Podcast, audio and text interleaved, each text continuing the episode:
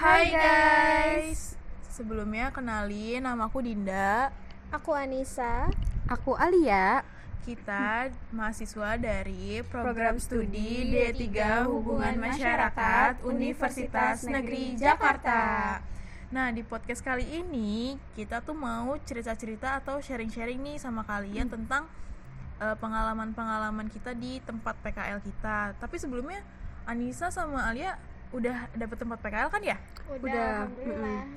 Nah, oke deh kalau gitu kan eh, sharing-sharingnya jadi lebih enak nih kan sekalian udah sama-sama ngerasain. Kira-kira eh, siapa duluan nih yang mau cerita? Boleh kali ya aku yang mau cerita? Oh, Alia. Oke, boleh Al, silahkan. Nah, ngomong-ngomong soal PKL, eh, saat ini aku lagi jalani PKL di Narasi TV. Kalian tahu kan? Kira-kira alasannya apa tuh kenapa dia narasi, kenapa nggak di tempat yang lain?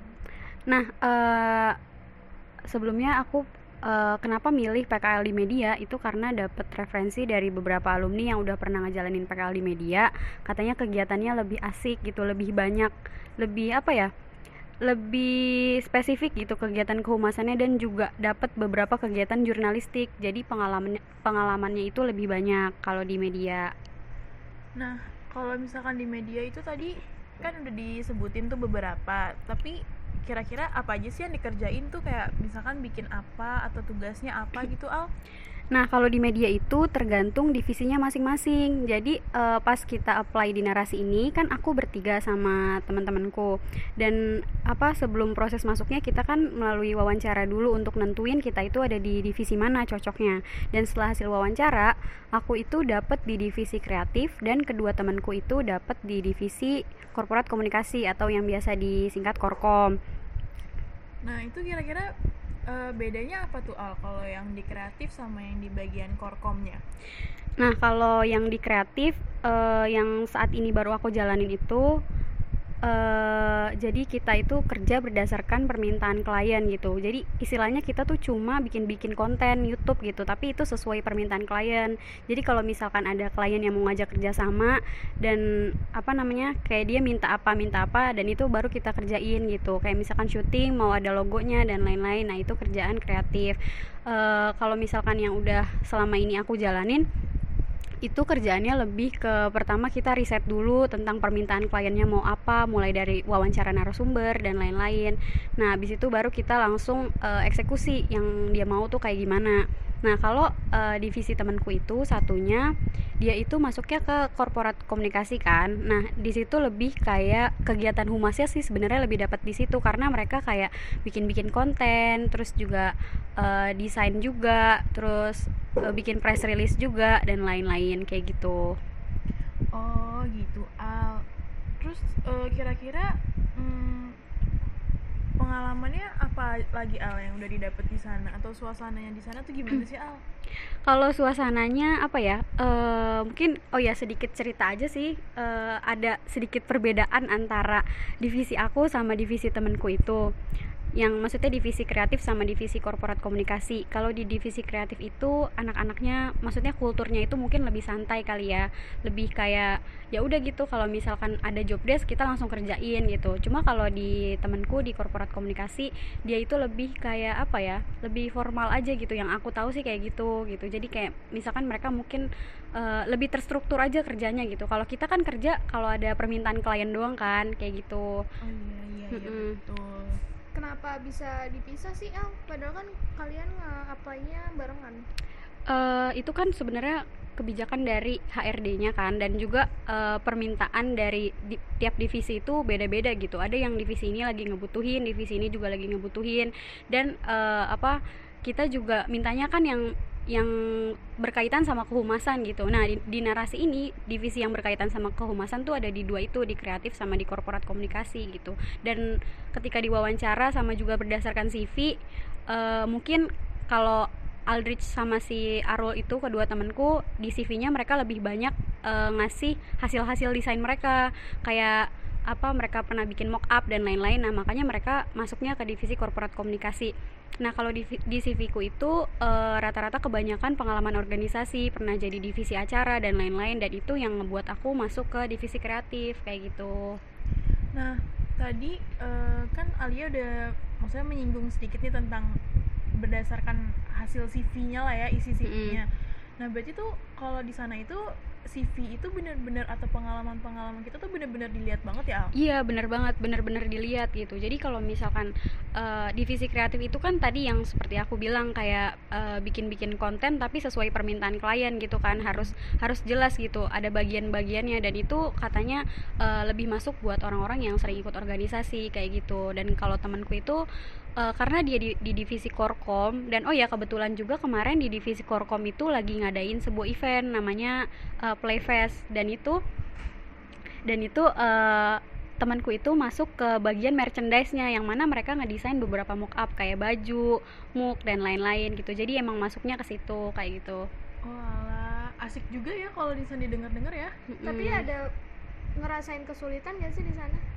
Kesulitannya apa ya? Kalau kalau aku selama ini nyesuain jam kerjanya aja sih karena uh, yang tadi aku bilang jam kerja di divisi aku ini nggak nggak yang terstruktur gitu. Misalkan dari jam 9 sampai jam 5 enggak. Jadi kayak emang bener-bener kita tektokan sama beberapa produser yang lagi ada job desk sama si kliennya itu baru kita ada ada kerjaan gitu. Jadi bisa aja kayak misalkan jam 12 siang tiba-tiba di chat Al meeting yuk. Al uh, ada ide nggak buat diskusi ini ini ini ini? Al tolong ini dong tolong ini gitu. Jadi kayak lebih apa ya kerjanya lebih nggak nentu aja gitu kesulitannya. Tapi untuk ngejalanin beberapa job desk sih alhamdulillah selama ini belum nemu kesulitan gitu Oh iya, um, buat Alia sendiri nih emang sebenarnya dari awal tuh maunya di narasi atau sebenarnya udah nge-apply ke beberapa tapi ternyata diterimanya di narasi Al?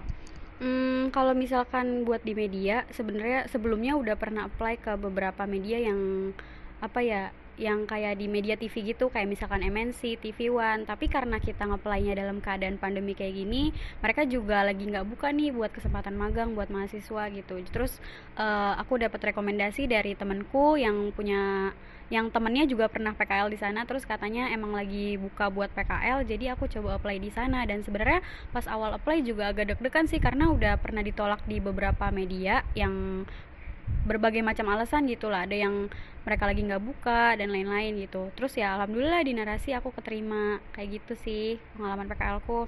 Nah ngomong-ngomong soal PKL juga uh, aku dengar-dengar kalian bareng nih PKL-nya ya? Iya dong. Iya nih kebetulan aku sama Anissa satu tempat PKL nah gimana tuh uh, kegiatan PKL kalian di mana dan ngapain aja sih di tempat PKL uh, kalau tempatnya sendiri itu ada di Grahania. Uh, nama gedungnya tuh gedung Grahania. Gedung Graha si AMB Niaga. Itu beribet ya. Ya pokoknya di Sudirman deh ya itu ada itu daerah di Sudirman. Nah nama kalau misalkan nama perusahaannya sendiri itu sebelumnya namanya itu Bahana Pembinaan Usaha Indonesia. Cuman sekarang ini dia udah ibaratkan ganti branding lah gitu. Namanya jadi Indonesia Financial Group iya, gitu. gitu Nah, uh, awal-awal kalian mau apply ke sana, gimana sih susah nggak sih? Apa kenapa kalian mau apply ke sana gitu? gimana ya?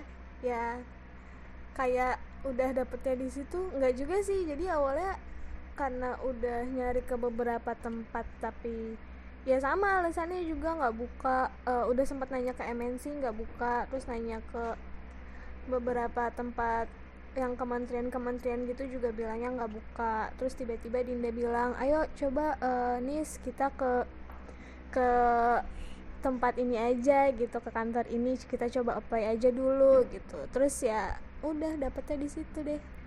Iya sebelumnya juga uh, sebelum akhirnya memutuskan untuk nge-apply ke sini juga kita tuh mau di DPRD Bekasi tadinya. Hmm. hmm, hmm cuman karena satu dan lain hal akhirnya ya udah deh memutuskan untuk apply di kantor yang sekarang hmm. aja karena kalau misalkan dari aku pribadi sebenarnya uh, kayak suasana kantornya tuh udah tahu gitu loh kayak gimana jadi dan kalau di sana dari akunya pribadi juga banyak kenalan lah gitu jadi kayaknya nggak yang gimana gitu yang nggak asing hmm. banget gitu hmm, berarti masalah kita sama ya awalnya gara-gara emang susah nyari kantor PKL untuk permasalahan pandemi kayak gini iya bener banget soalnya kan kalau di kantorku aja sekarang itu mm, masuknya juga selang-seling gitu loh Al nggak yang Hmm. selalu bisa work from office Iya. pasti kita juga dibagi jadwal harus ada yang work from home karena kan lagi situasi kayak gini nih Hmm. terus di kantor juga jumlah orang yang masuk juga dibatasin Cuma banget 25% gak sih kemarin? Iya sekitar ya segitu cuma 25% doang yang boleh work from home eh from, Work from office, Hmm. jadi bener-bener gitu deh ini pun kayak awalnya udah rada-rada hopeless juga karena sempet nge-apply cuman kayak responnya tuh lama banget gitu Hmm.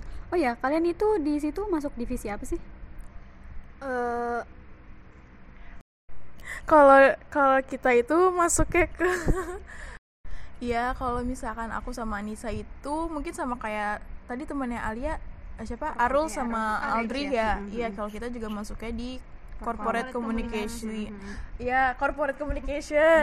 nah, itu sebenarnya eh, masuknya sih kalau di kantor tuh ke bagian SDM sih, SDM terus di bagian corporate sekretarinya. Nah, dari sek- Hmm. dari corporate sekretarinya itu ada cabangnya lagi gitu ada korkom salah satunya nah kebetulan karena kita kan eh, mahasiswa humas gitu ibaratkan nah jadi komunikasi. jadi Mm-mm. masuknya ke corporate Oh, communication gitu. Jadi kalian nggak dipilih berdasarkan CV atau wawancara gitu ya? enggak sih enggak sih kalau kita iya bedanya mungkin itu juga. Kalau misalkan di kantor yang ini tuh aku juga kan nge-apply-nya itu via email. Awalnya Mm-mm. cuma nge-email nih terus kirim CV terus kirim surat dari kampus.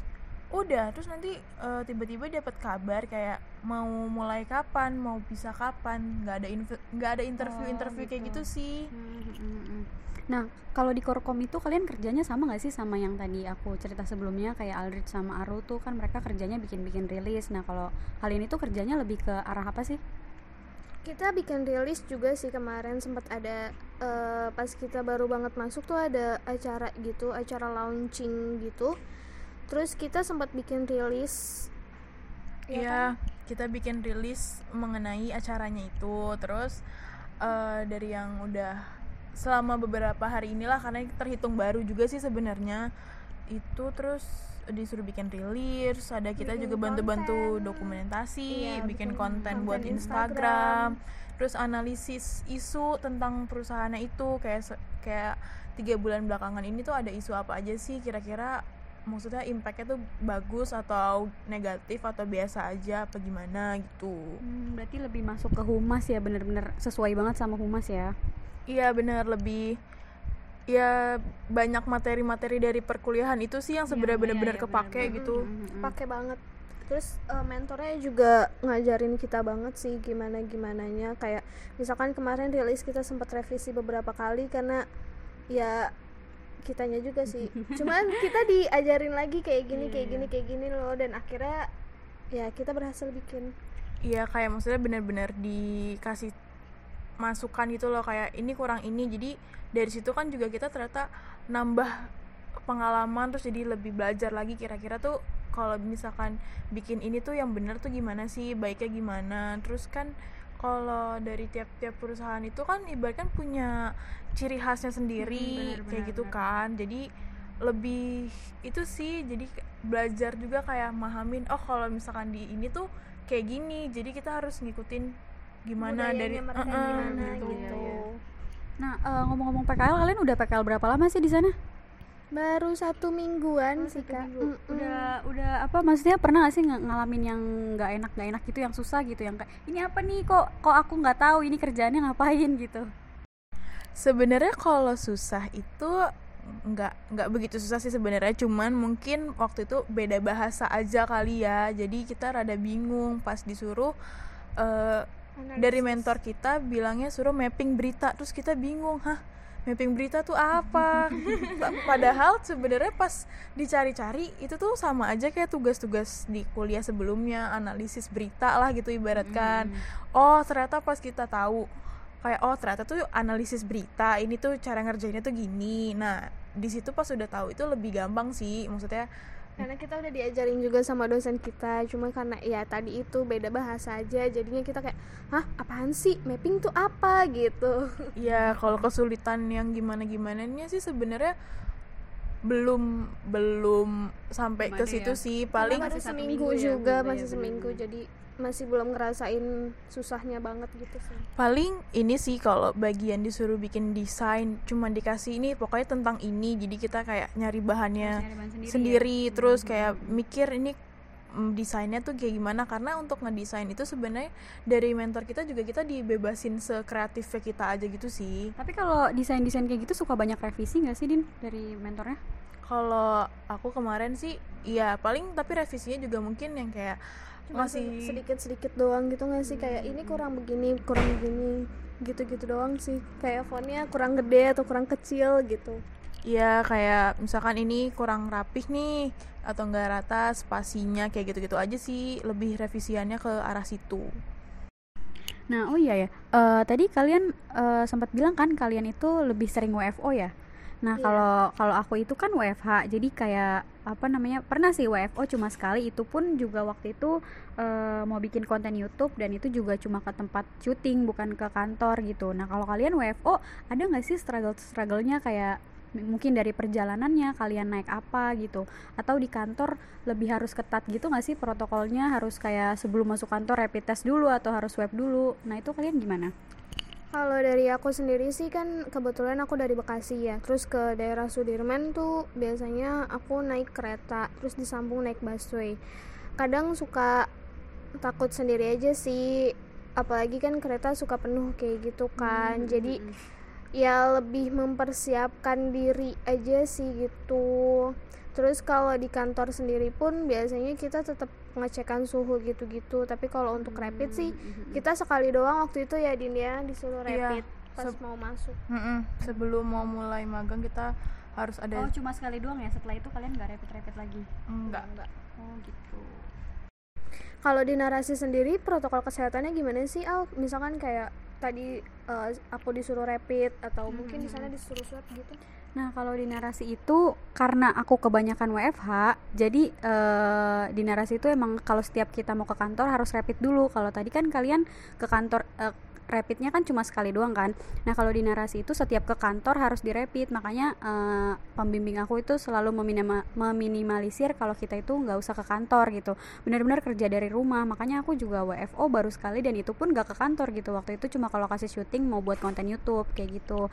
Nah, makanya buat teman-teman eh, yang lagi sekarang sekarang lagi PKL terutama WFO tetap semangat eh, jaga protokol maksudnya eh, patuhi protokol kesehatan yang ada di mana pun kalian berada jangan lupa untuk eh, bawa barang-barang pribadi kayak alat sholat, alat makan, hand sanitizer juga pokoknya semangat ya buat yang WFO Jaga kesehatan juga, jangan lupa Nah, minum benar-benar. vitamin, terus Mm-mm. makan makanan yang bergizi, oke? Oke, thank you nih buat Alia sama Anissa nih kayak sharing-sharingnya ha- sharing-sharingnya. Kayaknya cukup dulu nih sharing-sharingnya. Pokoknya buat teman-teman semuanya yang lagi PKL ataupun banyak melakukan aktivitas di luar tetap jaga kesehatan dan semangat terus. Dadah. Dadah.